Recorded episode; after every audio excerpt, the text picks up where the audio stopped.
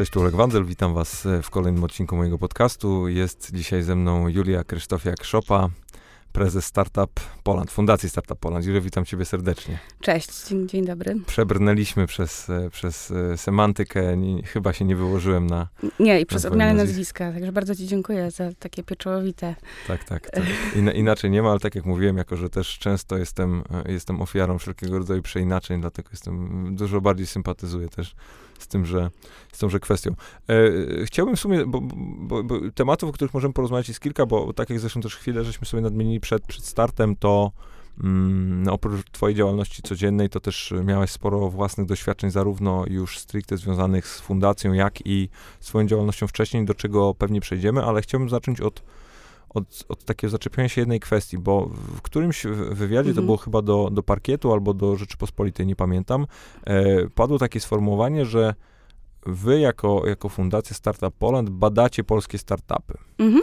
To jest prawda. I, I, jestem strasznie ciekawy, y, jako, jak, jako tutaj mówi osoba zainteresowana do badacza, co z tych badań wychodzi, jakie te polskie startupy dzisiaj są, bo ja mam takie wrażenie, że jest może nie tyle co potworna kakofonia w tym temacie, ale mhm. jakbyśmy powiedzieli, wiesz, jakbyśmy mieli zdefiniować, nie wiem, startupy w Stanach czy, czy w Wielkiej Brytanii, to jest pewnego rodzaju jakiś tam, nie wiem, outlook tego, jak one wyglądają. Można to w miarę... A przynajmniej jest taka obiegowa opinia, tak. jak one wyglądają, o, bo mamy takie najsłynniejsze startupy, które kiedyś były startupami, a teraz są największymi gigantami technologicznymi Dokładnie. wszechświata niemalże i, i dostarczają infrastrukturę informacyjną całej planecie.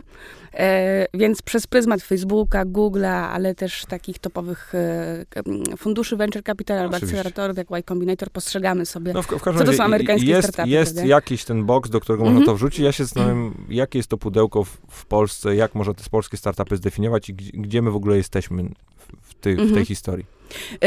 To jest, y, to jest bardzo ciekawe, w szczególności kiedy się spojrzy na to, jak się e, to środowisko startupów w Polsce zmienia. Ja jestem ze startupami w jakiś sposób obecna od 2008 roku, e, albo jako pracownik startupów w Polsce, albo e, jako współpracująca ze startupami w Stanach, w Szwajcarii, więc obserwuję też ewolucję na przestrzeni no już praktycznie 11 lat w tej chwili. W 2008 roku pojęcie startup w Polsce to było bardzo takie niszowe, wręcz hipsterskie pojęcie inwestor, venture capital, czy akcelerator, inkubator startupów to były praktycznie pojęcia nieznane. A dzisiaj, jak już sam na pewno sobie zdajesz sprawę, e, to jest pojęcie odmieniane przez przypadki i bardzo obecne w takiej mainstreamowej e, debacie publicznej. I ale teraz pytanie, co to są te startupy w Polsce? I y, rzeczywiście to środowisko na tyle urosło, że możemy już mówić o jakimś takim archetypicznym polskim startupie. I badając startupy w Startup Poland już od pięciu lat, my widzimy, że to są przede wszystkim y, niewielkie firmy technologiczne, takie do, do 5-10 y, osób w zespole, na ogół rozwijające software dla biznesu, na ogół zajmujący się albo analizą danych, albo E, jakąś analityką dla marketingu, dla business developmentu, dla e, sprzedaży. E, albo też są to startupy działające w obszarze technologii finansowych albo internetu rzeczy. Czyli to są takie trzy główne nasze branże, które są gdzieś obecne. Większość tych startupów jest zakładana oczywiście przez mężczyzn. I teraz paradoksalnie to nie są dwudziestolatkowie w klapkach, tak jak sobie to wyobrażamy, kiedy myślimy o, o mitycznej Krzemowej Dolinie, ale raczej są to ludzie, którzy wyszli gdzieś z korporacji. Y, więc tak to środowisko startupowe dzisiaj w Polsce wygląda. Jeśli chodzi o ich sukcesy finansowe, y, no to trochę jeszcze jest daleko do Krzemowej Doliny albo do takich y, zachodnich startupów, jak sobie je wyobrażamy, ale też coraz więcej te firmy technologiczne w Polsce zarabiają, mają coraz sensowniejsze modele biznesowe i pozyskują też coraz większe rundy finansowania od inwestorów, nie tylko polskich na szczęście. Mi się też wydaje, że no przez to, że w pewnym sensie ten ten, ten rynek, czy, czy w ogóle to zjawisko się zaczęło u nas relatywnie mhm. późno, to dopiero te pierwsze, pierwsze biznesy dopiero dzisiaj możemy je w jakimś stopniu ocenić z perspektywy czasu, bo one dopiero teraz zaczynają w jakimś stopniu się przekształcać już powiedzmy w jakieś tam Nie, no jasne, to jest dokładnie, dokładnie tak, że w, kiedy mówimy o startupie, tak naprawdę mówimy o firmie, która jest dzisiaj na poziomie no, statu na Sandy, dopiero się rodzi de facto. I trudno jest ocenić jej jakość w momencie, kiedy ona jeszcze no, nie przeżyła pierwszych dwóch, trzech lat takiej próby czasu. I rzeczywiście, tak jak powiedziałeś, startupy w Polsce się zaczęły w okolicach 2010-2012 roku. Zaczą, zaczęło coraz więcej być mm, tego typu zespołów. To w dużej mierze też zasługa programów y, rządowych, które no, na przykład Polskiej Agencji Rozwoju Przedsiębiorczości, y, które mimo, że szeroko krytykowane, ale tak naprawdę dały impuls do pobudzenia tego typu w ogóle działalności pośród y, czy młodych, czy już nie takich wcale młodych ludzi. I dlatego dopiero dzisiaj możemy zacząć oceniać, co się stało z tymi firmami, które na przykład w 2010 czy 2009 roku powstawały. Dla mnie takim dobrym przykładem może być startup polski, z którym sama w którym sama pracowałam e, właśnie dekadę temu. To był startup AdTaily. E, on dzisiaj już nie nazywa się AdTaily, nazywa się e, Yieldbird, o ile dobrze pamiętam. W każdym razie to była firma... To duży biznes, jeżeli dobrze no, pamiętam. To już jest całkiem duży biznes i nawet jak porozmawiasz sobie z Marcinem Ekiertem, obecnym prezesem Yieldbirdem, to on już raczej nie będzie kwalifikował tego, tej spółki w, w tę kategorię startupów. To już jest biznes z technologii marketingowych, zajmujący się optymalizacją zwrotów z kampanii kampanii um, takich wyszukiwarkowych, czy, czy kampanii um, w, w, takich CPC, czyli na, na mhm. kliknięcia. E, no i oni współpracują z wydawcami na całym świecie, w całej, w całej Europie na pewno i definitywnie startupem w takim sensie, jak my to sobie wyobrażamy, nie są, ale w 2009 roku jak najbardziej byli startupem i, i musieli się mierzyć z tymi bolączkami, które większość startupów i, i do dziś posiada. A, a jest jakiś taki punkt który identyfikujesz, gdzie możemy przestać mówić o startupie, bo ja mam takie wrażenie, i to oczywiście mm, to już będzie bardzo mocno mhm. przerysowany mhm. przykład, ale jakbyśmy często zapytali osób, jeszcze szczególnie powiedzmy nie, niespecjalnie interesujących się tą branżą, albo w jakimś stopniu niepoinformowanych, to oni są przekonani bardzo często, że Google jest startupem, nie? Google lubimy o sobie mówić, że oni wciąż są startupem, bo to, jest takie to cool w pewnym sensie. A poza tym wtedy też mm -hmm. mniej na ciebie patrzą z perspektywy mm -hmm. różnych regulawań. I... A tak naprawdę to jest olbrzymia, gigantyczna korporacja międzynarodowa. Zatrudniająca kilkadziesiąt tysięcy osób. I e, działająca na wielu, wielu rynkach tak naprawdę. Ale, ale właśnie zastanawiam się, czy, czy, czy, czy wy, wy identyfikujecie z perspektywy no właśnie przemielenia i przebadania x tych biznesów jakiś taki moment, w którym możemy przestać mówić o tym, że to już jest startup, tylko że już mówimy o firmie. Mm, to jest tak, ja bym powiedziała, że startup jest firmą, chyba, że sobie nie zarejestrował żadnej, więc firma to jest jedna, ale... Nie wiem, organizacja. Organizacja, prawda? My uważamy, jakby celem każdego założyciela startupów jest to, żeby przestać być tym startupem w pewnym momencie i rzeczywiście być takim solidnym biznesem. Natomiast to, co my niestety widzimy w Polsce, y, to jest to, że dużo młodych y, firm technologicznych dorasta do jakiegoś takiego poziomu biznesu lifestyle'owego, taki biznes stylu życia, gdzie zatrudniasz 10-15 osób, dobrze sobie zarabiacie, powiedzmy sprzedajecie za 5-10 milionów rocznie, czyli tak naprawdę całkiem przyzwoite kwoty Myślę, że sporo takich małych firm rodzinnych czy mikrofirm y, rodzinnych mogłoby się no, pozazdrościć tego typu przychodów, ale nie rośniemy. Natomiast w tej grze, w startupy, tak jak sobie ją wyobrażamy przez pryzmat Krzemowej Doliny, chodzi o to, żeby te spółki rosły do poziomu y, siedmiu, ośmiocyfrowych wycen, czyli takich kilkadziesiąt, kilkaset y, milionów dolarów. Y, tutaj w Polsce mówimy o złotówkach. I tego typu sukcesów w Polsce mamy niestety niewiele. Ja bym powiedziała, że jakaś taka cezura dla startupu, bo znów na przykład czy Uber jest startupem, albo czy WeWork jest startupem. W sensie tej e, dynamiki rozwoju przedsiębiorstwa, czyli finansowania venture capital, tych kolejnych rund, być może trochę pompowania tej wyceny, to definitywnie są startupy, ale pod względem i kultury organizacyjnej, i ilości zatrudnionych ludzi. I też e, pewnych wyzwań, nie? I dokładnie, to już są e, no, korporacje, czy scale-upy, to jest takie mamy europejskie pojęcie, czyli scale-upy to są startupy, które się już skalują. Ja myślę, że też startup to jest takie pojęcie, no,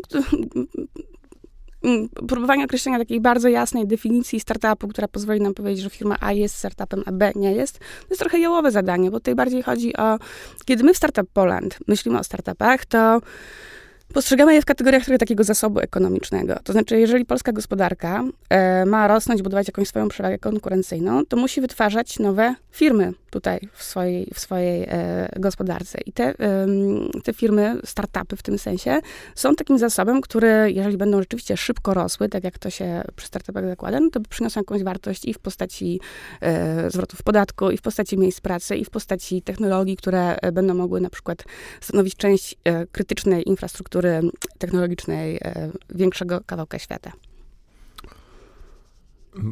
bym się chyba zaczepił na chwilkę tej, tej kwestii gospodarczej, mhm. bo, bo to mi się bardzo podoba, bo to też w pewnym sensie, a od razu nas ustawia w jakimś stopniu z jednej strony z perspektywy lokalnej, z drugiej strony jako taki puzzle w tej całej globalnej historii mhm. potrafi nam i, i w pewnym sensie pozwala na zrozumienie tych wszystkich procesów, bo ja mam też takie wrażenie, że bardzo często o, o rynku startupów mówi się właśnie w rozumieniu bardzo lokalnym i nie bierze się z tej, tej szerszej perspektywy. Światowej de facto, prawda? Dokładnie, a, a tak naprawdę, bo, bo, te wzrosty, o których też powiedziałaś, mhm. w pewnym momencie da się już, szczególnie na naszym rynku, osiągnąć tylko wtedy, kiedy wychodzisz. Ja mam takie wrażenie, że zresztą z, z paroma osobami też ostatnio o tym rozmawiałem, że jednak relatywnie często polskie startupy są w stanie wpadać w tą pułapkę 40-milionowego państwa, tak które jest. jest. relatywnie duże, w którym ten lifestyle biznes możemy zbudować, ale nigdy to nie będzie mhm. faktycznie firma, która jest w stanie konkurować z, ze swoimi odpowiednikami, nie wiem, z, z Niemiec czy z Wielkiej Brytanii. Czy z Chin na przykład. No, to, to, to, to, to już jest w ogóle, to już jest w ogóle o,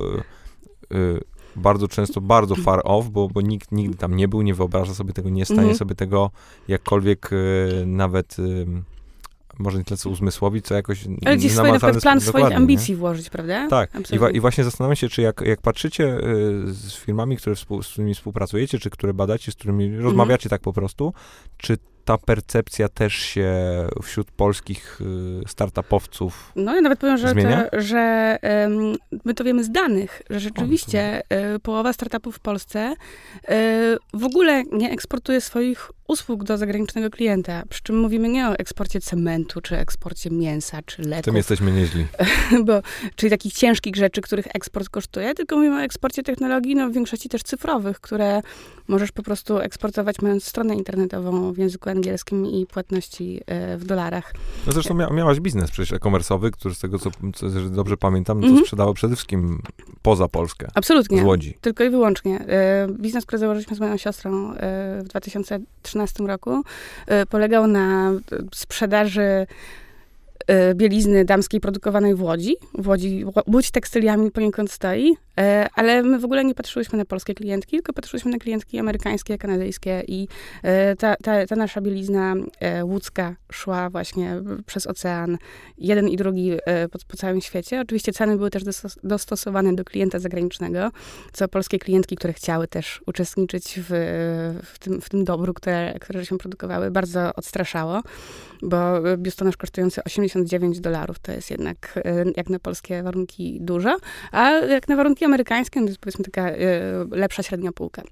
Ale to jest właśnie śmieszne, że, że mimo tego, że taka łódź ma olbrzymi potencjał tekstylny, e, to tamtejsi przedsiębiorcy to nie są startupy, to są de facto przedsiębiorcy, którzy tam działają już od kilkudziesięciu często lat i, i zajmują się y, produkcją odzieży na przykład, czy jakichś komponentów do produkcji odzieży. Oni nie myślą w kategoriach dostępności innych rynków. I tak samo jest w technologiach cyfrowych.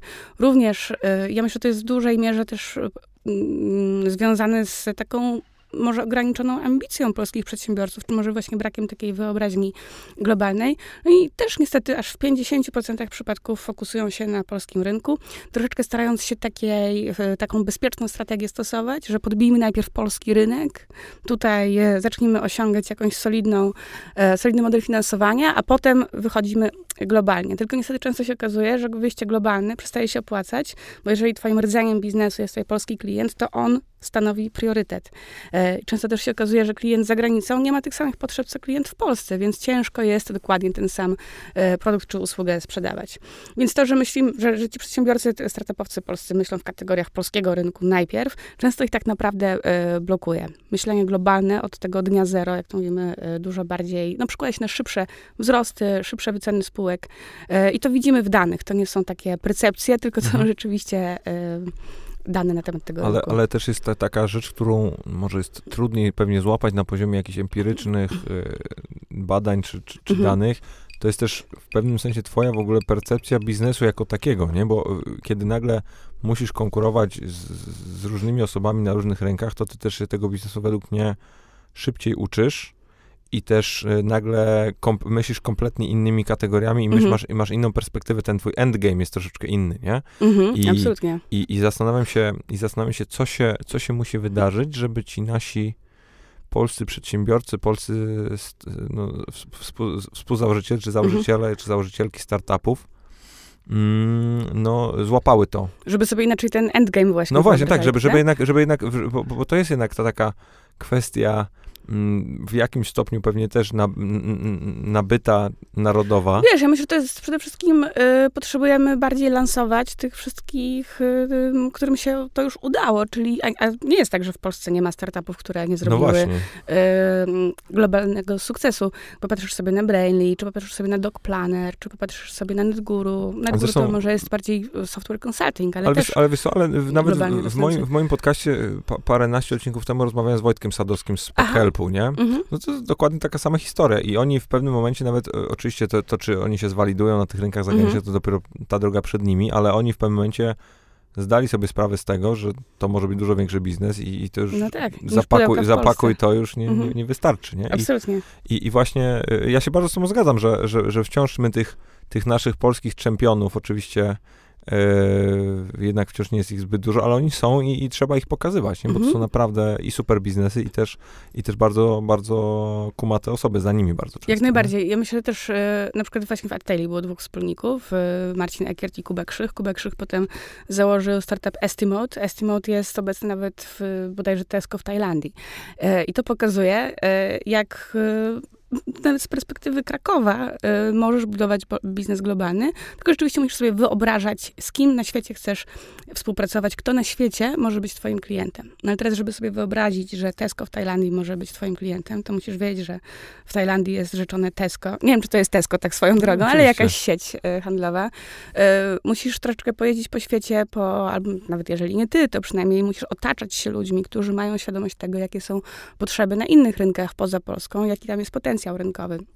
I to nie jest znów tak, że ta wiedza jest jakoś strasznie tajna i sekretna. To nie jest tak jak w XVIII wieku, że trzeba się było tłuc y, konno przez cały świat albo Statki e, albo wysyłać. statkiem, tylko e, naprawdę mając całą sieć znajomości światowych, mając, jeżdżąc po konferencjach, można sobie nabywać, budować relacje, które potem można po prostu skapitalizować, budując właśnie odnogi biznesu na, na, na rozmaitych rynkach.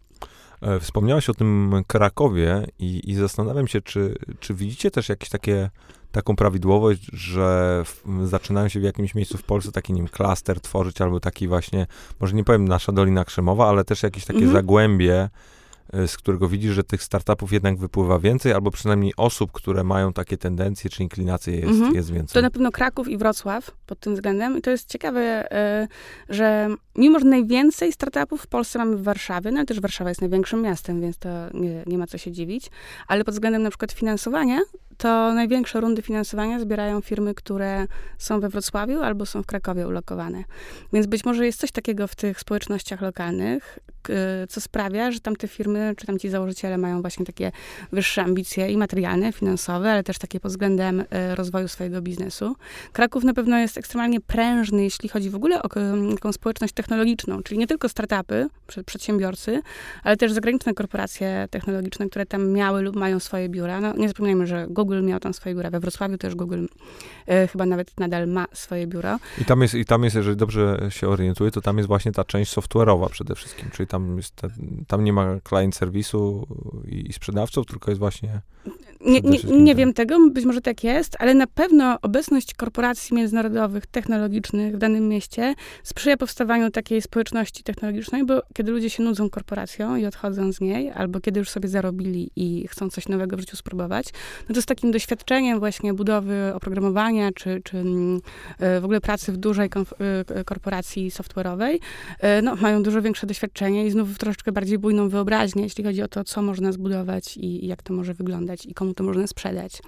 Więc na pewno Kraków i Wrocław pod tym względem e, są takimi trochę hubami, ale coś, z czego możemy być w Polsce dumni, to to, że jednak w miarę równomiernie jest rozłożone to środowisko startupowe po całej Polsce. Znaczy, znajdziemy startupy nie tylko właśnie we Wrocławiu, Krakowie i Warszawie, ale też w Lublinie, ale też w Rzeszowie, ale też w Białymstoku, y, w Elblągu, e, oczywiście w Trójmieście, w Łodzi.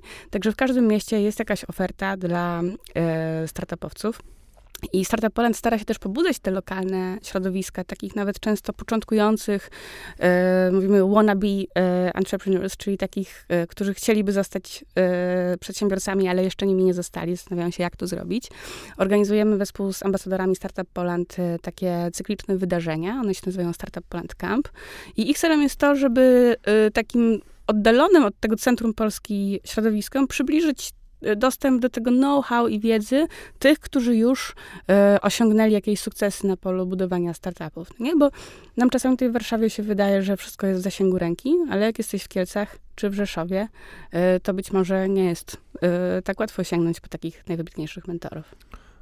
No to, to powiedz mi to, jak, jak was jako, jako Startup Poland w tym całym ekosystemie startupowym można umiejscowić? Gdzie, gdzie wy jesteście, jaką rolę, jaką rolę pełnicie? Bo tak Mhm. jak y, wspominałem, wiesz, przed tą naszą rozmową, że mam takie wrażenie, że co, co medium, czy co jakaś, jakaś, jakaś większa publikacja na wasz temat, to każdy was trochę definiuje inaczej, trochę o was Mhm. mówi inaczej i, i wskazuje No wiesz, na, to, to na wynika inne trochę z zadania. tego, że Startup Poland i nasza rola bardzo ewoluowała na przestrzeni ostatnich I pięciu też lat. pewnie to, że dużo robicie. E, tak, trochę, nie powiedziałabym, że pivotujemy, ale ewoluujemy.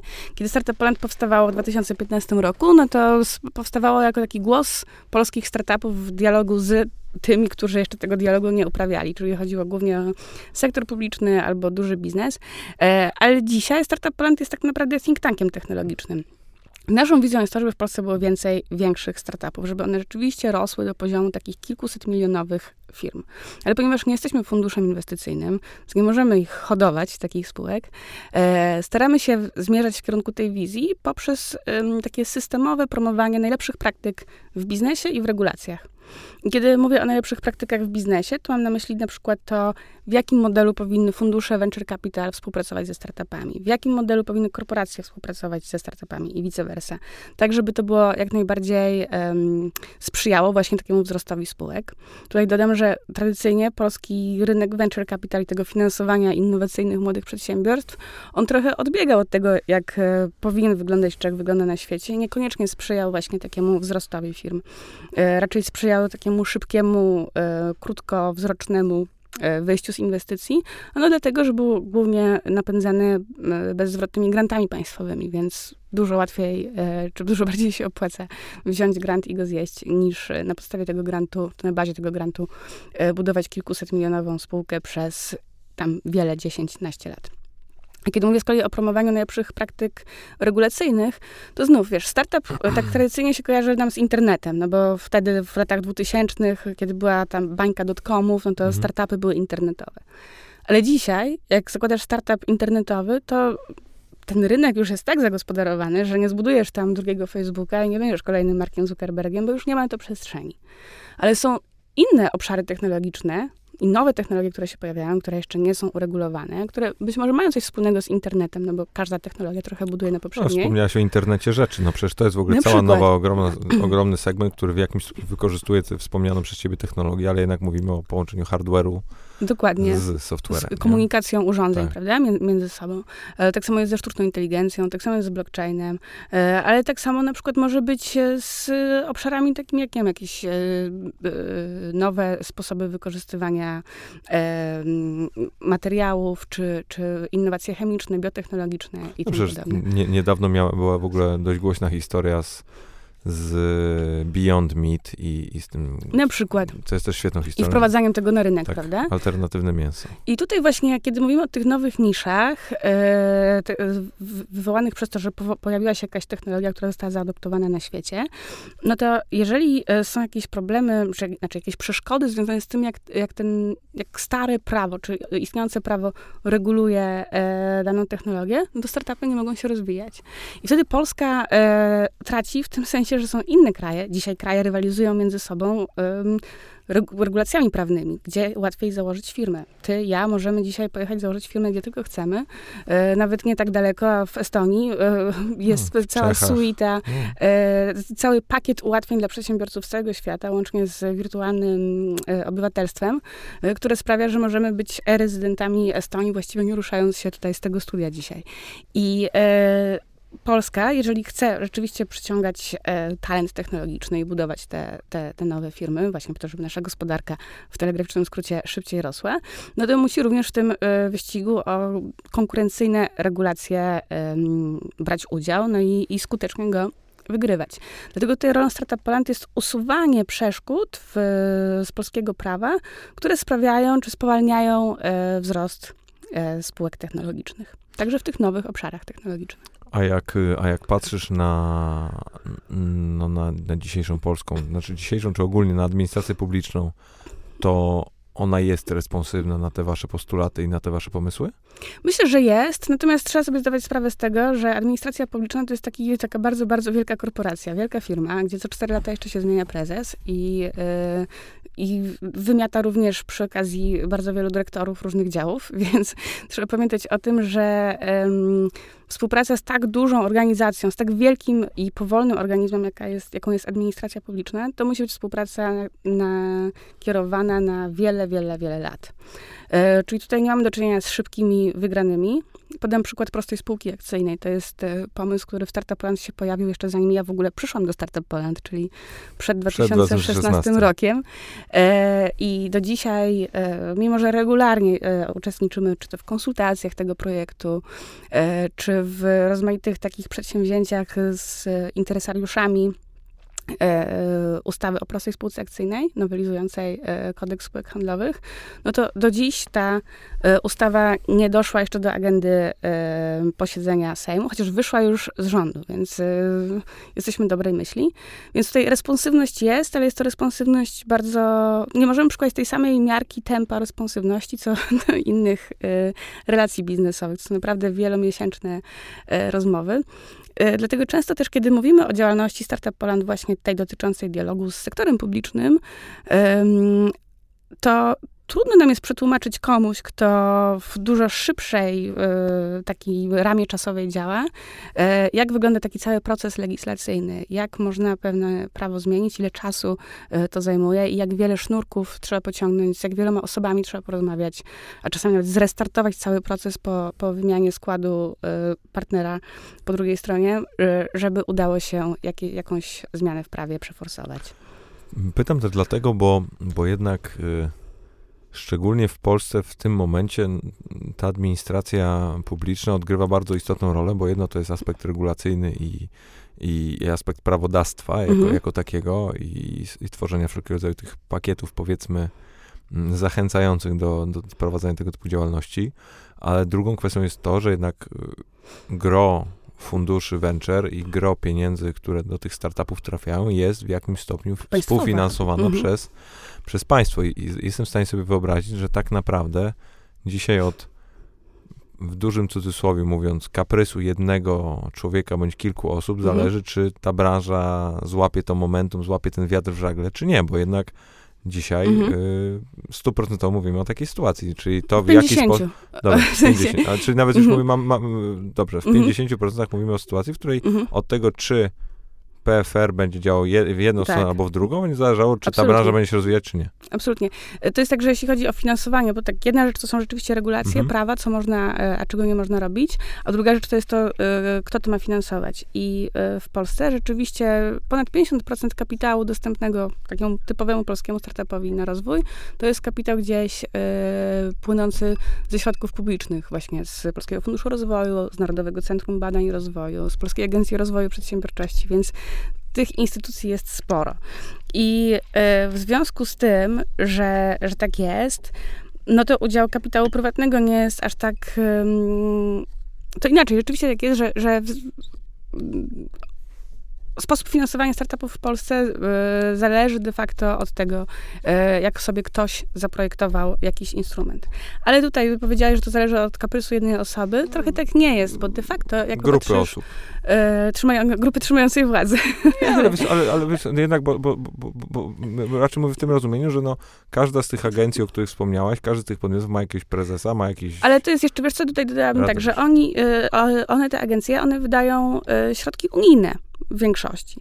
E, one są finansowane e, programami operacyjnymi Komisji Europejskiej i w związku z tym one tak naprawdę muszą wydawać te środki w oparciu o to, co w Brukseli zaprojektowano. Mhm. I tutaj jest niesłychanie istotne, żebyśmy my, jako Polacy, e, angażowali się w proces projektowania tych instrumentów nie tylko na poziomie tej PFR-u, na Kruczej czy na Nowogrodzkiej, tylko żebyśmy się angażowali w to już na poziomie Brukseli, tam, gdzie te, te instrumenty powstają. One często powstają dlatego, że zakłada się, że nie wiem, tutaj w, tych, w tej grupie krajów powinniśmy widzieć tam x procentowy wzrost, na przykład e, PKB produkowanego przez małe i średnie przedsiębiorstwa, więc tak bardzo wysokopoziomowego celu. E, mhm. Potem są projektowane e, poszczególne instrumenty, no i potem takie NCBR-y w tych różnych Polskach, Rumuniach i, i tym podobnych krajach dostają to do dyspozycji i tak projektują swoje instrumenty, żeby one były zgodne z wytycznymi unijnymi, więc e, stąd często te instrumenty są tak bardzo mocno zdefiniowane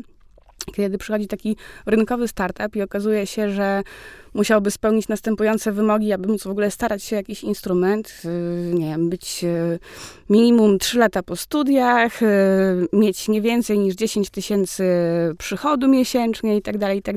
Okazuje się, że nie może aplikować o taki instrument i to dopiero pokazuje, jak bardzo taka centralnie planowana e, forma inwestowania w przedsiębiorców no, mija się troszeczkę z wymogami rynku. No właśnie, i bo, bo to jest y, ten temat y, ogólnie funduszy unijnych i tego, co się z nimi potem dzieje, to jest, y, wywołuje we mnie, gdzieś bym powiedział, skrajne uczucia, czy odczucia, bo z jednej strony, jeżeli dobrze pamiętam, jeżeli gadam głupotę, możesz mnie poprawić, mhm. ale my jako Polska jesteśmy jednym z większych beneficjentów tych środków, szczególnie tak, w ostatnich pory, latach. Mhm. Mm, więc tych możliwości A mieliśmy i będziemy mieć bardzo dużo.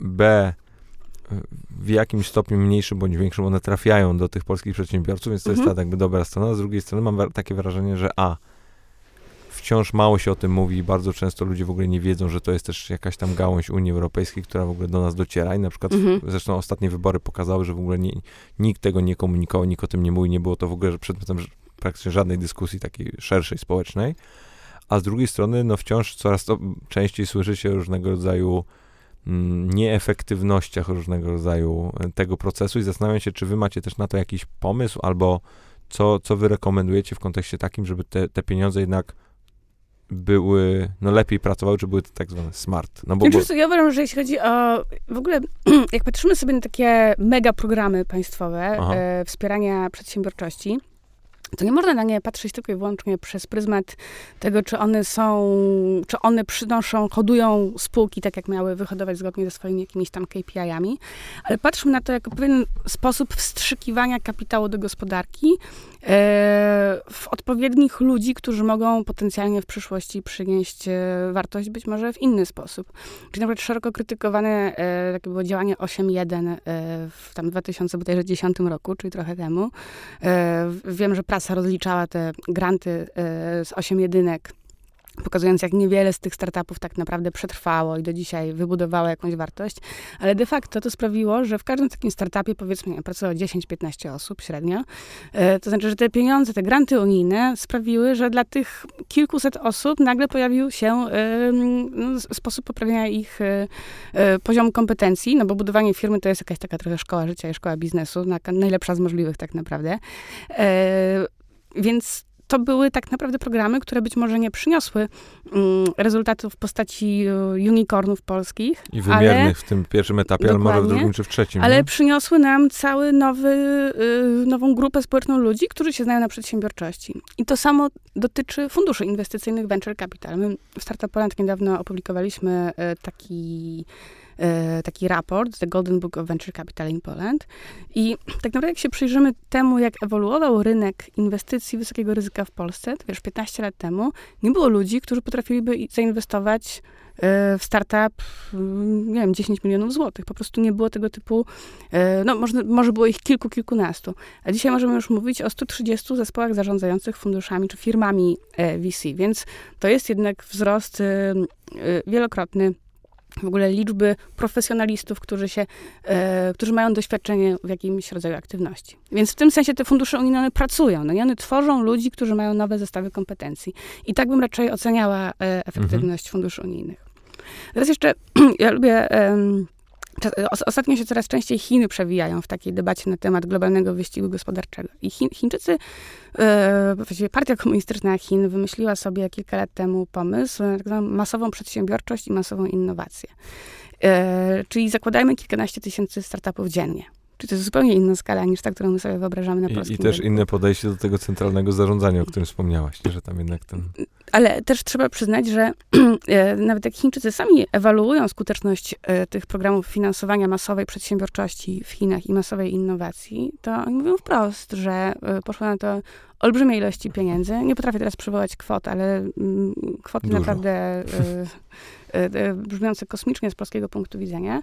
I one były oczywiście wydawane nieefektywnie i korupcjogennie, ale jednocześnie ekstremalnie skutecznie, bo na koniec dnia, jak sobie porównasz Chiny 2010, a Chiny 2019, to liczba e, unicornów globalnych w tej chwili, e, no, tak jak mamy GAFE, czyli Google, Amazon, Facebook e, i Apple w Stanach Zjednoczonych, e, w Chinach mamy e, ich odpowiedniki e, większej nawet wielkości, o większej wycenie. Więc w jakiś sposób rzeczywiście nawet nieefektywne formy inwestowania w startupy na poziomie takim państwowym, strategicznym, jednak przynoszą tę pożądaną korzyść po, po kilku latach. Mnie też, mnie też zastanawia jedna rzecz, bo, która w pewnym sensie jest istnym zaprzeczeniem mhm. idei przedsiębiorczości, bo wspomniałaś o, o agencjach typu, typu PARP, no, typu, mhm. typu wszystkiego rodzaju te projekty. Tak, ale nawet te, te, te 8 jedynki i te różnego rodzaju mhm. inne historie. I, i, I wiesz, jak sobie, bo, bo nasze, na naszej naturze jest oczywiście rozliczanie każdej złotówki jeszcze z, z pieniędzy publicznych. Oczywiście.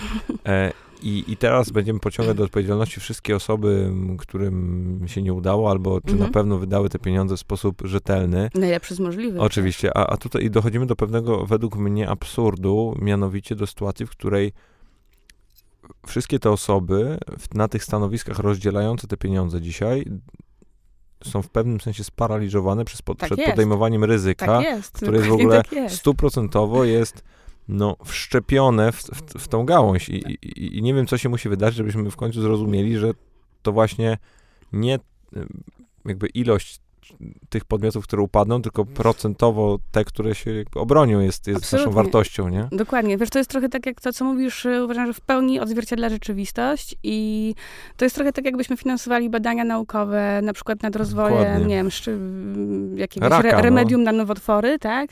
No i się okazuje, że wydano tam x milionów y, dolarów na eksperymenty i wciąż tej szczepionki na, nie wiem, na, na, na raka nie ma. E, no i teraz przychodzi Agencja Bezpieczeństwa Wewnętrznego i zaczyna sprawdzać na, naukowców, czy na pewno żeście dobrze te myszy tam kroili. A jednak nie, bo ogonek odpadł, to y, będziemy A w ogóle skąd te myszy, zwracać. nie? A te myszy skąd, nie? Więc y, też tu, mi się wydaje, że w finansowaniu innowacji trochę popadamy w taką paranoję, że y, urzędnicy czy służby kontroli i nadzoru są tą ostateczną instancją decydowania, jak wydawać te eura czy złotówki.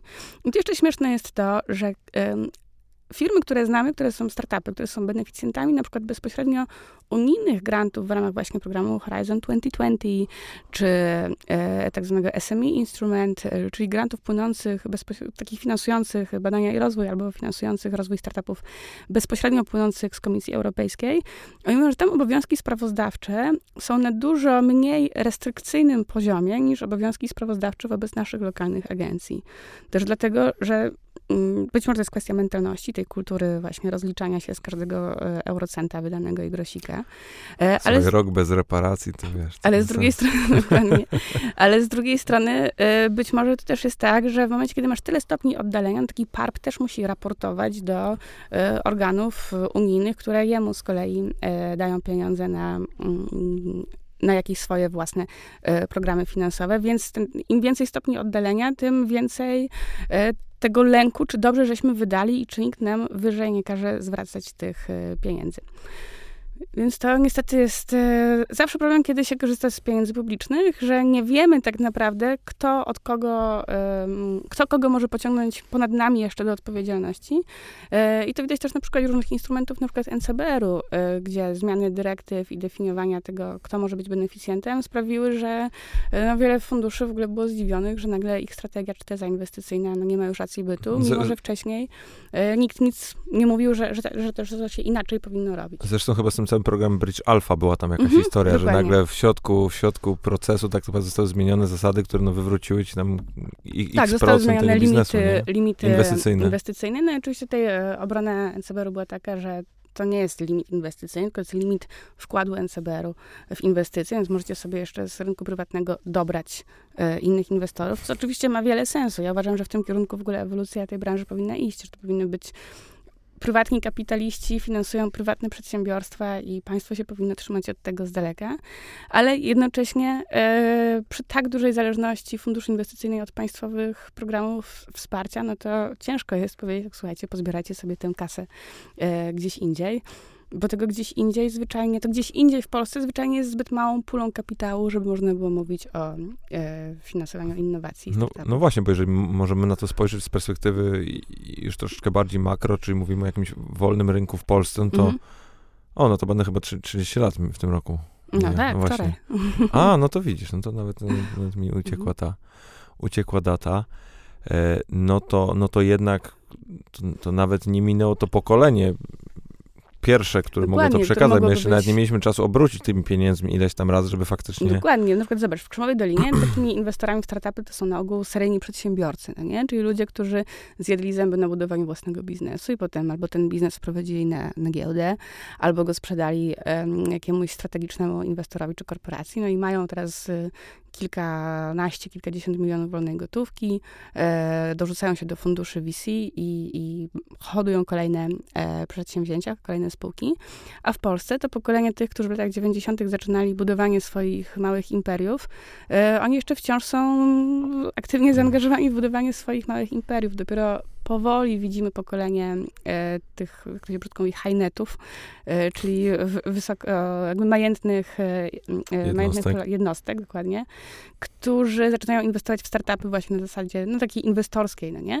E, Krzysztof Domarecki e, z Seleny, czy e, rodzina Demogałów, wtedy od Pitango, czy też Sebastian Kulczyk ze swoim funduszem Mantaray VC, to gdzieś powoli są takie jaskółki zmian mm, takich family offices, które inwestują w startupy, no bo wreszcie mamy to pierwsze pokolenie przedsiębiorców, którym coś się udało zarobić.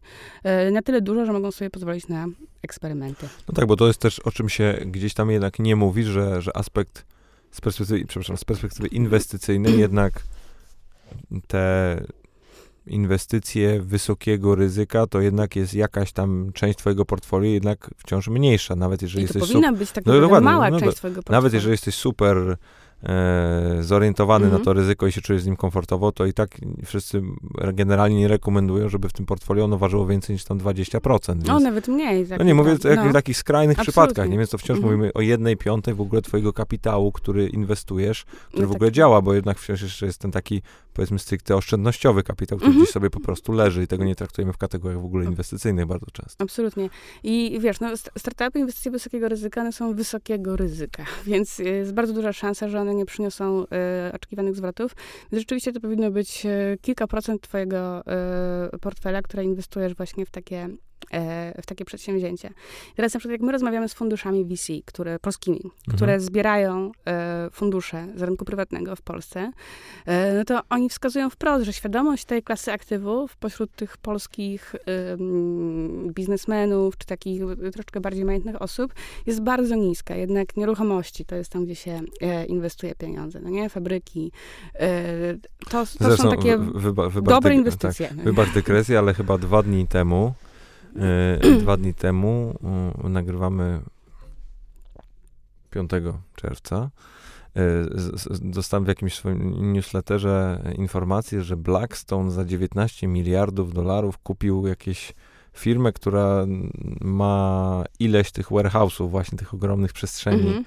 przestrzeni właśnie magazynowych. Mm -hmm e, a, propos, a propos tych inwestycji nieruchomościowych, że to wciąż jednak jest po prostu gigantyczny biznes i bardzo często mm, no, nikt nie, ludzie są, nie są w stanie wyobrazić, do jakiego poziomu w ogóle inwestycje dochodzą. Nie? Absolutnie. Do, absolutnie. w takich historiach. To jest, ale to tak mówię, w, w ramach, e, w ramach dygresji, Mhm. o to, dla, dlaczego też, też o, o to gdzieś pytałem, jeżeli chodzi o to właśnie konstruowanie portfolio, bo mm, mam też takie wrażenie, że z jednej strony wszyscy tak racjonalnie rozumiemy, że to jeszcze powinniśmy chwilę poczekać e, i, i w sumie to jeszcze musi trochę tej wody w rzece upłynąć, żeby, Mhm. żeby dojść do tego momentu, w którym w ogóle będziemy mogli mówić o tej branży venture w Polsce.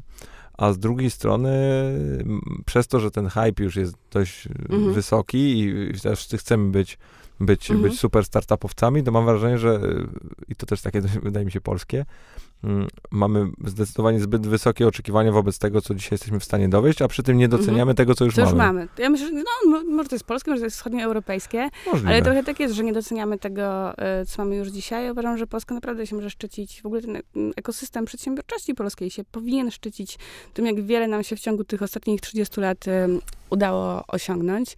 E, Bo, nie wiem, 10 lat temu nie było w Polsce startupów, które miałyby na przykład e, globalną obecność, czy które miałyby biura w, w Krzemowej Dolinie, inwestorów z Krzemowej Doliny. A dzisiaj mamy ich już e, kilkunastu, jeśli nie kilkudziesięciu. Wiesz, ale to też jest trochę tak, że w, e, oczywiście musimy poczekać, aż trochę wody w Wiśle jeszcze upłynie, na pewno, ale branża venture capital w Polsce już jest, startupy w Polsce są i teraz tylko kwestia tego, jak e, zmotywować ten prywatny kapitał, żeby on chętniej jednak e, inwestował w w spółki technologiczne i żeby bardziej się też trochę jednoczył w poszukiwaniu i hodowaniu najlepszych spółek. My na przykład lubimy patrzeć na e, współczynnik koinwestycji w e, startupach, czyli takich rund inwestycyjnych, gdzie więcej niż jeden fundusz Czyli te zainwestował. syndykaty i tego typu historie. E, tak, dokładnie. No i, i tradycyjnie koinwestycje na polskim rynku to było coś bardzo, bardzo rzadkiego. To też poniekąd wynikało z tego, że te fundusze VC miały e, pieniądze państwowe i okazywało się, że jedna firma nie może być beneficjentem dwa razy państwowego e, grantu. Więc to też widzisz, to, to pokazuje, jak bardzo dynamika e, się zmienia, jeżeli masz takie obostrzenia związane z, ze źródłem twoich pieniędzy, tym, publicznym źródłem. Ale teraz tych koinwestycji widzimy coraz więcej i widzimy też, że polskie fundusze współpracują między sobą właśnie w budowaniu, negocjowaniu rund inwestycyjnych. I na pewno e, ta branża już jest. To, do czego powinniśmy teraz zmierzać, to e, zachęcenie i ułatwienie e, prywatnemu kapitałowi właśnie pracy w tej klasie aktywów, czyli zwolnienia podatkowe, preferencje podatkowe, tak żeby być może bardziej ci się opłacało dzisiaj włożyć pieniądze do funduszu VC, e, niż żeby opłacało ci się je trzymać, nie wiem, albo samodzielnie inwestować jako anioł biznesu i potem em, liczyć się z tymi wszystkimi bolączkami związanymi z taką indywidualną hodowlą jednej spółki, albo też inwestować w, w nieruchomości czy w jakieś instrumenty finansowe.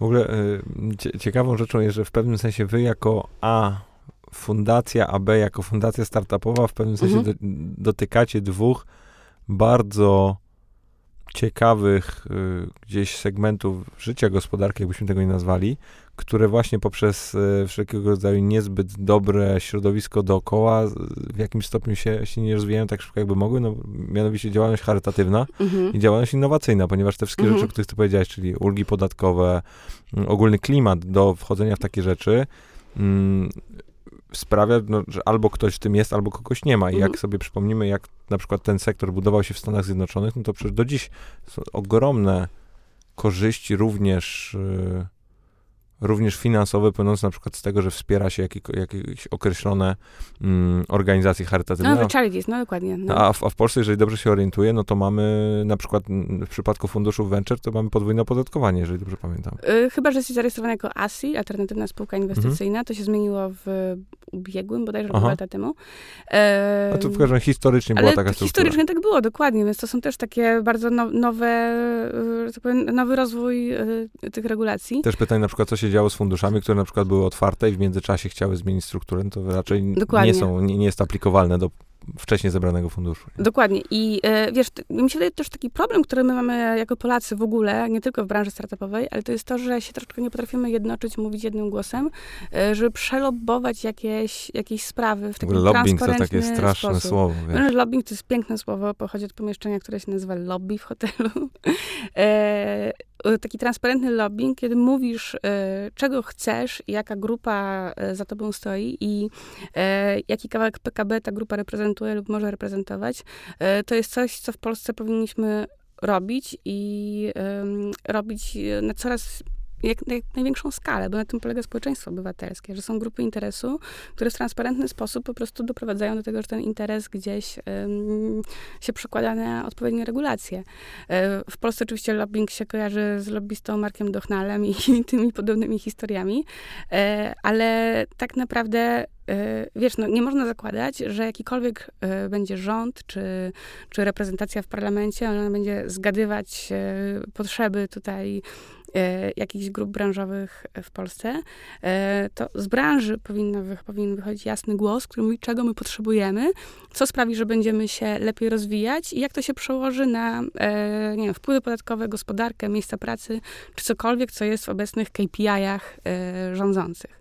Oczywiście często, kiedy się rozmawia z rządzącymi, to tak naprawdę tą główną walutą e, są głosy, bo to jest jakby nie było polityka, e, ale e, kiedy mówimy o lobbingu dla sektorów gospodarki, to tak naprawdę na koniec dnia chodzi o pewne bardzo kwantyfikowane, takie wymierne korzyści, no nie podatkowe, czy dotyczące produktu e, krajowego. No oczywiście, bo potem gdzieś te bardziej ogólne programy trzeba z czegoś finansować. Nie? Jednak każdy, no każdy, program, każdy taki projekt typu, o którym wspominasz, który w jakimś stopniu w krótszym bądź dłuższym horyzoncie czasowym jest w stanie do tego budżetu państwa jednak finalnie przyprowadzić więcej pieniędzy, może nie w formie bezpośredniej, ale w jakimś stopniu No ale powiedzmy szerszym. w perspektywie kilku lat, Oczywiście. prawda? No bo to też jest, wiesz, jeżeli dzisiaj sobie założymy, że za 10 lat w Polsce będzie e, 5 tysięcy nowych spółek wytwarzających e, własne technologie sztucznej inteligencji, no to możemy pewnie przeliczyć, jaki to będzie miało wpływ do budżetu, jak to, jak to zmieni PKB, no nie? A skoro tak, no to pytanie, czy opłaca się dzisiaj inwestować w to na poziomie państwowym, czy nie? A jak, jak inwestować teraz? Czy finansowo, czy właśnie e, jakimiś ulgami podatkowymi? Podatkowymi, czy um, zmianą prawa, tak żeby łatwiej było w tym sektorze budować e, firmy. To wszystko da się policzyć, no nie? Tylko jest kwestia właśnie długofalowego myślenia, nie na 4 lata, nie na 2 lata, tylko na 20 lat do przodu. Ja się po prostu zastanawiam, na ile to jest w ogóle możliwe, żeby jakikolwiek polityk, szczególnie w naszych uwarunkowaniach, w taki sposób pomyślał, bo jednak to, co wydaje mi się na przykład bardzo różni nas od, od y, Stanów Zjednoczonych, mhm. które jednak w jakimś stopniu, oczywiście z całym swoim bagażem negatywnych aspektów, mhm. które też za tym poszły, bo to, to, to nigdy nie jest czarno-białe, ale gdzieś tam były, no, są tym wzorem, czy, czy były prowodyrem różnych, różnych rozwiązań, to jednak mam wrażenie, że tam to mm, zjawisko społeczeństwa obywatelskiego i w ogóle pewnej odpowiedzialności za nasz kraj, jakim, jest, jakim są Stany Zjednoczone Ameryki, no, jest na kompletnie innym poziomie niż, niż w Polsce. I tam mam, jednak, mam tam jednak takie wrażenie, że pomimo pewnych zwaśnionych partii czy, czy poglądów, tam jest pewien mhm. katalog wartości, który jest uniwersalny mhm. i tam nikt nie kwestionuje tego, czy no, na przykład, nie wiem, powinniśmy właśnie wspierać przedsiębiorczość, albo czy na pewno e, ten procent PKB y, przeznaczony na obronność jest mhm. słuszny, czy nie, bo tam mhm. wszyscy wierzą w to, że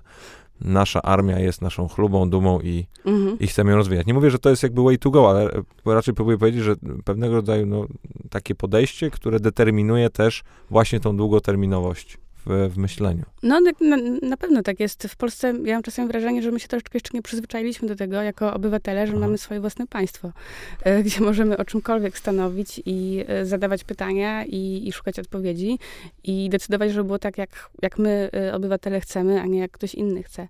My, jakby nie było, wczoraj była 30. rocznica zerwania Polski z komunizmem i wiesz, trudno porównywać się ze Stanami Zjednoczonymi, które też są właściwie młodym krajem, jakby nie było. No, ale jednak Przemnożonym. Ale, ale troszeczkę przemnożonym pod tym względem.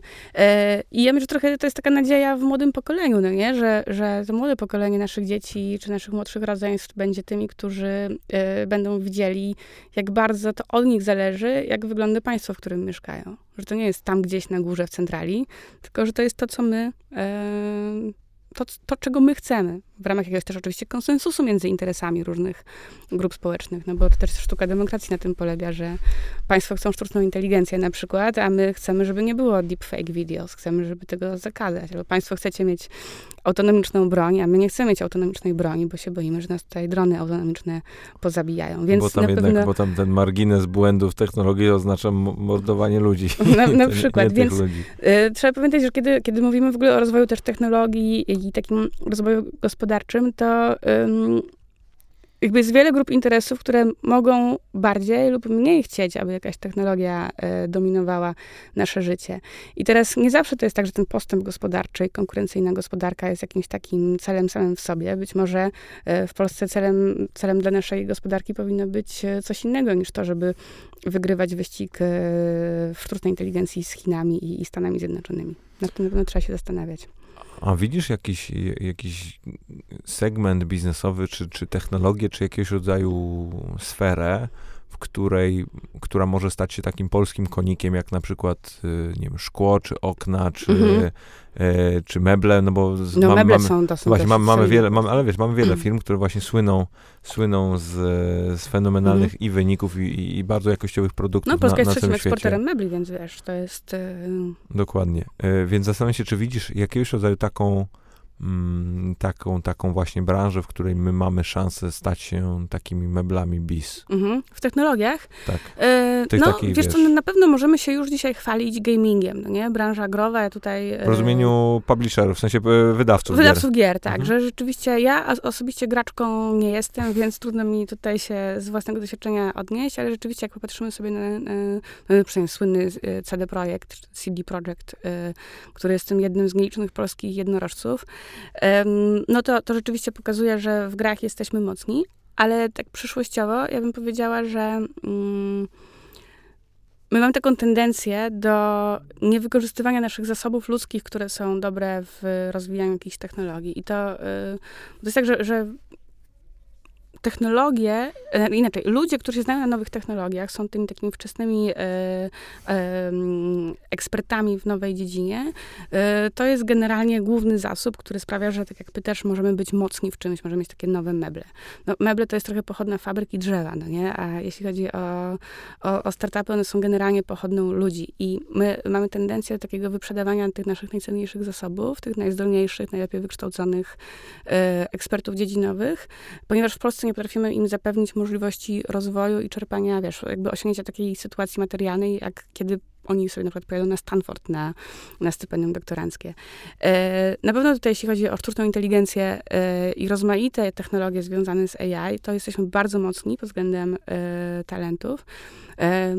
Natomiast to, czego nam trochę brakuje, to są dane. Dlatego, że AI jest wtedy, algorytmy sztucznej inteligencji, uczenia maszynowego, wtedy przynoszą odpowiednie efekty, na przykład w przewidywaniu czegoś, kiedy mamy dużą pulę danych, na których się możemy uczyć.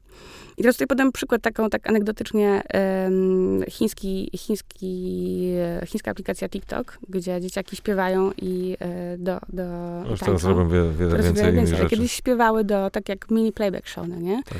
Wiesz, apka apką, ale tak naprawdę do czego to służy? To służy do wyuczenia algorytmu synchronizacji ust z melodią.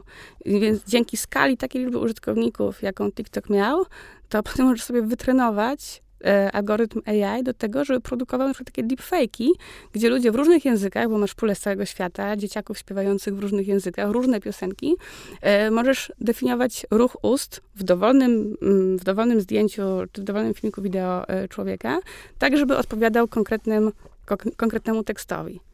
Zobacz, jaką trzeba mieć skalę danych, żeby móc tego typu e, wytrenować e, algorytm. Ja, Teraz, czy my w Polsce nie mamy tylu, nie mamy ani tak e, krytycznej liczby użytkowników jak, jak TikTok dla żadnej aplikacji, e, ani też nie mamy takiej populacji, jak mają Chiny, żeby sobie tam na przykład robić image Testować. recognition i testować. Ale mamy jedną rzecz, mamy zanieczyszczenie powietrza. I teraz zanieczyszczenie powietrza paradoksalnie może być czymś, co nam dostarczy bardzo wielu danych, na przykład do walki ze smogiem i tak trenowania e, algorytmów AI, żeby rzeczywiście jakość e, powietrza poprawiać. I myślę, że okej, Chiny tutaj też są mocne pod tym względem, jeśli chodzi o zanieczyszczenie powietrza, ale Polska też jest trochę paradoksalnie uprzywilejowana. Znaczy przy takiej ilości punktów danych na temat tego, gdzie jest, y, wiesz, CO2, y, siarka, azot i i PM2,5, PM10 i tak dalej, e, i jak e, wpływają na to różne warunki pogodowe, my możemy rzeczywiście e, trenować takie algorytmy machine learning, e, żeby potem rozwijać technologie właśnie służące na przykład e, walce e, o, o czystsze powietrze. Więc być może to jest gdzieś jakaś taka nasza przewaga konkurencyjna, z czegoś można trochę śmiać, ale to e, gdzieś, gdzie my możemy e, właśnie takie nowe polskie meble wytworzyć. Na pewno jest y, pierwsza ta, wiesz, złota zasada, mianowicie jest potrzeba, więc, Mhm. więc tutaj... Bo, bo I są faktycznie- dane. Dane są naprawdę Oj, ropą tak. naftową, jeśli chodzi o AI i uczenie maszynowe. A powiedz mi, czy ty masz jakąś taką swoją ulubioną branżę albo segment y, technologiczny, który ciebie najbardziej dziś kręci albo ciebie najbardziej interesuje? O, Radek, to jest trudne pytanie. Yy, no, trochę tak. Yy, ale to, się bardzo, to jest bardzo płynne, bo wiesz... Yy, Ale to, na- no, to na dzień dzisiejszy, na przykład, dobrze, to żeby, żeby No. doprecyzować to pytanie, to mhm. jaka jest technologia albo jakaś gałąź przedsiębiorczości, którą w jakimś stopniu ostatnio zgłębiasz bardziej albo ciebie bardziej zainteresowała z jakiegoś względu? Ale tak osobiście? Tylko. To teraz hodowla konopi. Ale przemysłowej czy użytkowej? Wszystkich. Okej, Wszy- wszystkich. Nie, to, bo, to jest dla, mnie, dla mnie też bardzo ciekawa, ciekawa branża, szczególnie, że, że ma, ma, mam, mam kolegę, który y, w, akurat w, w przemysłowym Mhm. tym biznesie działa i w ogóle on mi, pamiętam, że z nim spędziłem ze dwa czy trzy wieczory y, któregoś razu i, i mi poopowiadał, co w ogóle z tego można wytwarzać. To jest nie, niebywały, niebywały surowiec też y, w takim rozumieniu czysto przemysłowym. Absolutnie. To jest też e, trochę tak, że wiesz, w, Polsce e, cały świat idzie troszeczkę w kierunku odczarowania e, konopi, mimo e, wieloletniego, długotrwałego okresu, kiedy w ogóle konopie były objęte taką, takim tabu i nie robiło się badań na ten temat. I myślę, że Polska też tutaj ma dużo do ugrania pod tym względem, zwłaszcza, że już od ponad roku mamy legalną marihuanę medyczną w Polsce i warto też spojrzeć, jak się trochę ten biznes w Polsce rozwija, rozwija się. Że za, zasiała ziarno, jeżeli można tak powiedzieć. Dos, dosłownie i, i w przenośni. Mm, Wiesz co, py, pytam dlatego, bo, bo zdaję sobie sprawę, że tak naprawdę, tak jak yy, zarządzający funduszami VC się ścigają, ile Mhm. deków przejrzą, to jestem w stanie sobie wyobrazić, że ty tych startupów naprawdę widzisz dużo, analizujesz dużo i jesteś w stanie mieć jakiś taki, mm, taki y, szerszy obraz tego wszystkiego, bo ja mam też takie wrażenie, że w całym tym dyskursie na temat startupów zawsze, wiesz, są trzy czy cztery takie, może nie tyle co buzzwordy, ale jakieś Mhm. takie branże, które są akurat teraz na topie, jak wiesz, no masz, Tak, mówiłaś o blockchainie, mówiłaś o sztucznej inteligencji, Mhm. jest jakby kilka takich innych, w Mhm. zależności od okresu. mobile first. No, to, to był właśnie, mobile, no. no był Omnichannel, było 100 Tak. milionów innych historii i zastanawiam się, czy jest właśnie jakaś taka ba, ob, obok tych konopi bardzo niedoceniana ta gałąź, którą ty widzisz, identyfikujesz i, i mówisz sobie, że no o tej to jeszcze na pewno Usłyszymy. więcej usłyszymy. Znaczy, wiesz co, tak mi się wydawało, yy, bo, znaczy, bo trochę czym innym są te światowe trendy i światowe Bo- buzzwordy, a oczywiście. czym innym jest tutaj polski nasz rynek. I ym, wydaje mi się, że y, polscy inwestorzy trochę nie followują trendów światowych. Znaczy inaczej, followują, ale z opóźnieniem. E, I nieliczni tak naprawdę inwestują w to, co, co na świecie się teraz jest tak najbardziej gorętsze, jeśli najgorętsze. E, Ale wydaje mi się, że wiesz, no na pewno sztuczna inteligencja to jest bardzo pojemny termin, ale e, generalnie AI zrewolucjonizuje e, w ogóle gospodarkę, to jak wyglądają firmy, e, jak pracują korporacje, e, jak, jak wiele procesów będzie można zautomatyzować i e, nie trzeba będzie zatrudniać do nich ludzi, nie trzeba będzie kształcić ludzi, którzy będą mogli te procesy obsługiwać. Nie będziemy potrzebowali ludzi, którzy dzisiaj e, są takim trochę białkowym API, czyli e, osób jak, nie wiem, eks- ekspedienci, ekspedientki, czy obsługa klienta w oddziałach bankowych. Są to osoby, które według skryptu działają. Jeżeli e, zaskakujesz ich pytaniem spoza skryptu, no się zawieszają i wyrzucają 404 generalnie, albo serwer error, no nie? E, I m- myślę, tak że, jest. No niestety tak jest, ale e, wydaje mi się, że AI będzie, czyli sztuczna inteligencja, to będzie taki kolejny wielki obszar. Ale teraz pytanie, czy w Polsce również o tym jeszcze dużo usłyszymy? Wiesz, ja mam trochę taką obawę, że jeśli chodzi o popyt na rozwiązania AI w Polsce, to jego nie ma. I długo go nie będzie, bo nawet jak popatrzysz sobie na to, jakie jest, jak polskie przedsiębiorstwa wykorzystują chmurę, czy e, w jakim stopniu analizują dane, które zbierają w toku swojej codziennej operacji, na przykład chmura jest e, na poziomie 10%, no nie, penetracja rynku. Czyli 10, co dziesiąte polskie przedsiębiorstwo wykorzystuje chmurę obliczeniową. My w Startup Poland wykorzystujemy chmurę obliczeniową. Nie wiem jak wy, ale to U, mówimy... u, nas, u nas jest w ogóle większa historia, bo my, my mamy my zarówno wykorzystujemy chmurę, chmurę jak i serwery fizyczne, bo jednak Mhm. my w pewnym sensie, cała nasza firma stoi na IP i na tym, co żeśmy Mhm, wyprodukowali, więc, więc dla nas wręcz im więcej zabezpieczeń, im więcej Mhm. miejsc, gdzie to leży, gdzie można mieć do tego dostęp, tym Mhm. lepiej, bo Tym lepiej, bo, nie zginie wam to. no siłą rzeczy, a po Mhm. drugie z jednej strony właśnie jest aspekt y, mm, dostępu i Mhm. jakiejś tam wygody, a z drugiej strony właśnie Zabezpieczenia tych, tych kopii, nie? No bo jednak jak y, nigdy nie wiesz do końca, co się Mhm. z, tym, z tym stanie i dzisiaj masz biznes, jutro go nie masz. Dokładnie, ale wyobraź sobie, że 90% przedsiębiorstw w Polsce w ogóle nie ma chmury. I to nie dlatego, że mają IP i się boją, że ktoś im y, ukradnie z tej chmury, tylko dlatego, że po prostu nie wiedzą, co ta chmura jest. I podobnie jest y, z danymi, które, które mogły posłużyć do trenowania algorytmów sztucznej inteligencji. Y, jednak polscy przedsiębiorcy, polski biznes nie, nie wykorzystuje tego potencjału, jakie big data dzisiaj daje. I myślę, że o AI usłyszymy jeszcze wiele, ale niekoniecznie dzięki temu, że mamy lokalny, domowy popyt na tego typu rozwiązania, tylko raczej dzięki temu, że tutaj będą powstawały, e, czy powstaną, urosną nam e, startupy AI-owe, które będą e, znajdowały klientów na rynkach zagranicznych, takich bardziej dojrzałych, bardziej świadomych. Jest jakiegoś rodzaju organizacja, którą bezpośrednio się inspirujecie, jeżeli chodzi o bycie Startup Poland? Wiesz co, tak, myślę, że to jest kilka, e, bo takiej bardzo podobnej mm, do nas nie ma i to jest trochę takie e, po naszej stronie wymyślanie wszystkiego od początku i zastanawianie się, kim my tak naprawdę chcemy być.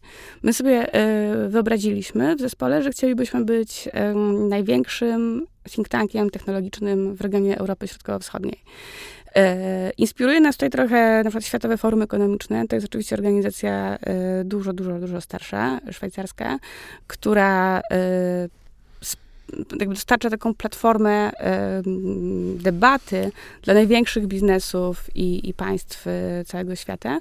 My chcielibyśmy mieć taką e, pozycję w zakresie technologii e, tutaj w naszym regionie Europy Środkowo-Wschodniej. Nie ma trochę takich organizacji dokładnie robiących to, na których moglibyśmy się wzorować, ale na pewno możemy się właśnie wzorować na tego typu podmiotach jak, jak World Economic Forum. No tak, bo jednak, bo jednak w Polsce ten, ten aspekt startupowy, czy, czy, czy gdzieś aspekt innowacyjności jest zawsze doczepiony do, do jakiegoś większego eventu. Nawet tak jak no my, my się mieliśmy Mhm. okazję poznać na, Tak, na, na European Katowicach. Startup Days Mhm. w, w Katowicach podczas e, EKG, Europejskiego Kongresu Europejskiego Kongres Gospodarczego. Gospodarczy. I, no i to jednak dało się wyczuć, że no ten, ten startupowa historia to jednak jest tam To jednak jest tam w spodku. ten mniejszy brat, nie? Tak. No absolutnie tak jest, y, że to, że to jest trochę młodszy brat. No wiesz, jak porównasz sobie taki biznes typu budowlanka, energetyka i tak dalej. y, A to było, wybacz, ale to było fascynujące, jak Mhm. właśnie te dwa światy gdzieś się y, zdarzyły. spotykały. Ale też było właśnie fajne to, że, że tam w namiocie między spotkiem a centrum kongresowym rzeczywiście jedni i drudzy przychodzili i brali udział w tych prelekcjach, panelach dyskusyjnych i y, Myślę, że to jest, to jest bardzo wartościowe, okej, dzisiaj być może to jest trochę doklejone, e, właśnie ta startupowość szeroko pojęta jest doklejona takiego starego biznesu jako taki młodszy brat albo taka trochę baba z brodą, żeby sobie pooglądać i zobaczyć, co to tam e, dają w tych startupach. E, ale to jest kwestia czasu, e, kiedy większość partnerów Europejskiego Kongresu Gospodarczego to będą podrośnięte startupy, które będą po prostu, które wyprą tam tych wszystkich korporacyjnych partnerów i to właśnie one będą finansować tego typu imprezy. Czego mogę wam życzyć na najbliższe 12 miesięcy? No myślę, że mógłbyś nam e, życzyć e, sukcesów. A nie, no, z czym, z czym dzisiaj macie, może nie tyle co problem, ale o co, o co walczycie Mhm. i, i to jest taki, wasz taki ambitny cel i już nie mówię w rozumieniu tego, do czego dążycie, bo, bo to zostało raczej bardzo precyzyjnie zdefiniowane, Mhm. tylko co faktycznie chcecie, chcecie zrobić. Wiesz co, powiem tak bardziej ogólnie. Ja myślę, że to, co nam by się e, bardzo przydało, to gdyby polscy przedsiębiorcy i startupowi, też takie, tacy mniej startupowi, ale gdyby doceniali siłę e, mówienia jednym głosem o różnych sprawach, mówienia wspólnym głosem. Więc może gdybyś nam tego życzył, e, żeby, żeby Polacy chętnie się jednoczyli w byciu adwokatem jakichś takich spraw gospodarczych, to myślę, że to by nie tylko nam, ale, ale wielu zrobiło bardzo dobrze. To tego ci życzę i, i jakbyś e, w takim razie z kolei mnie i słuchaczy zostawiła z jakąś taką rzeczą czy czymś do przemyślenia, to też byłbym bardzo wdzięczny. Ale to teraz mnie bardzo, tak. e, bardzo mnie zszokowałeś tą, tą prośbą. E, wiesz co, czymś do przemyślenia? E, no może e, zastanów się, e, drogi Olku, e, jaki jest twój najlepszy scenariusz? Kim chciałbyś być za pięć lat i co robić? Gdybyś wszystko mógł i nic nie musiał. No to mam zadanie domowe na dzisiejszy wieczór. Julio, bardzo, bardzo ci dziękuję. Naprawdę bardzo fajna rozmowa i ciekawa. Dziękuję ci bardzo.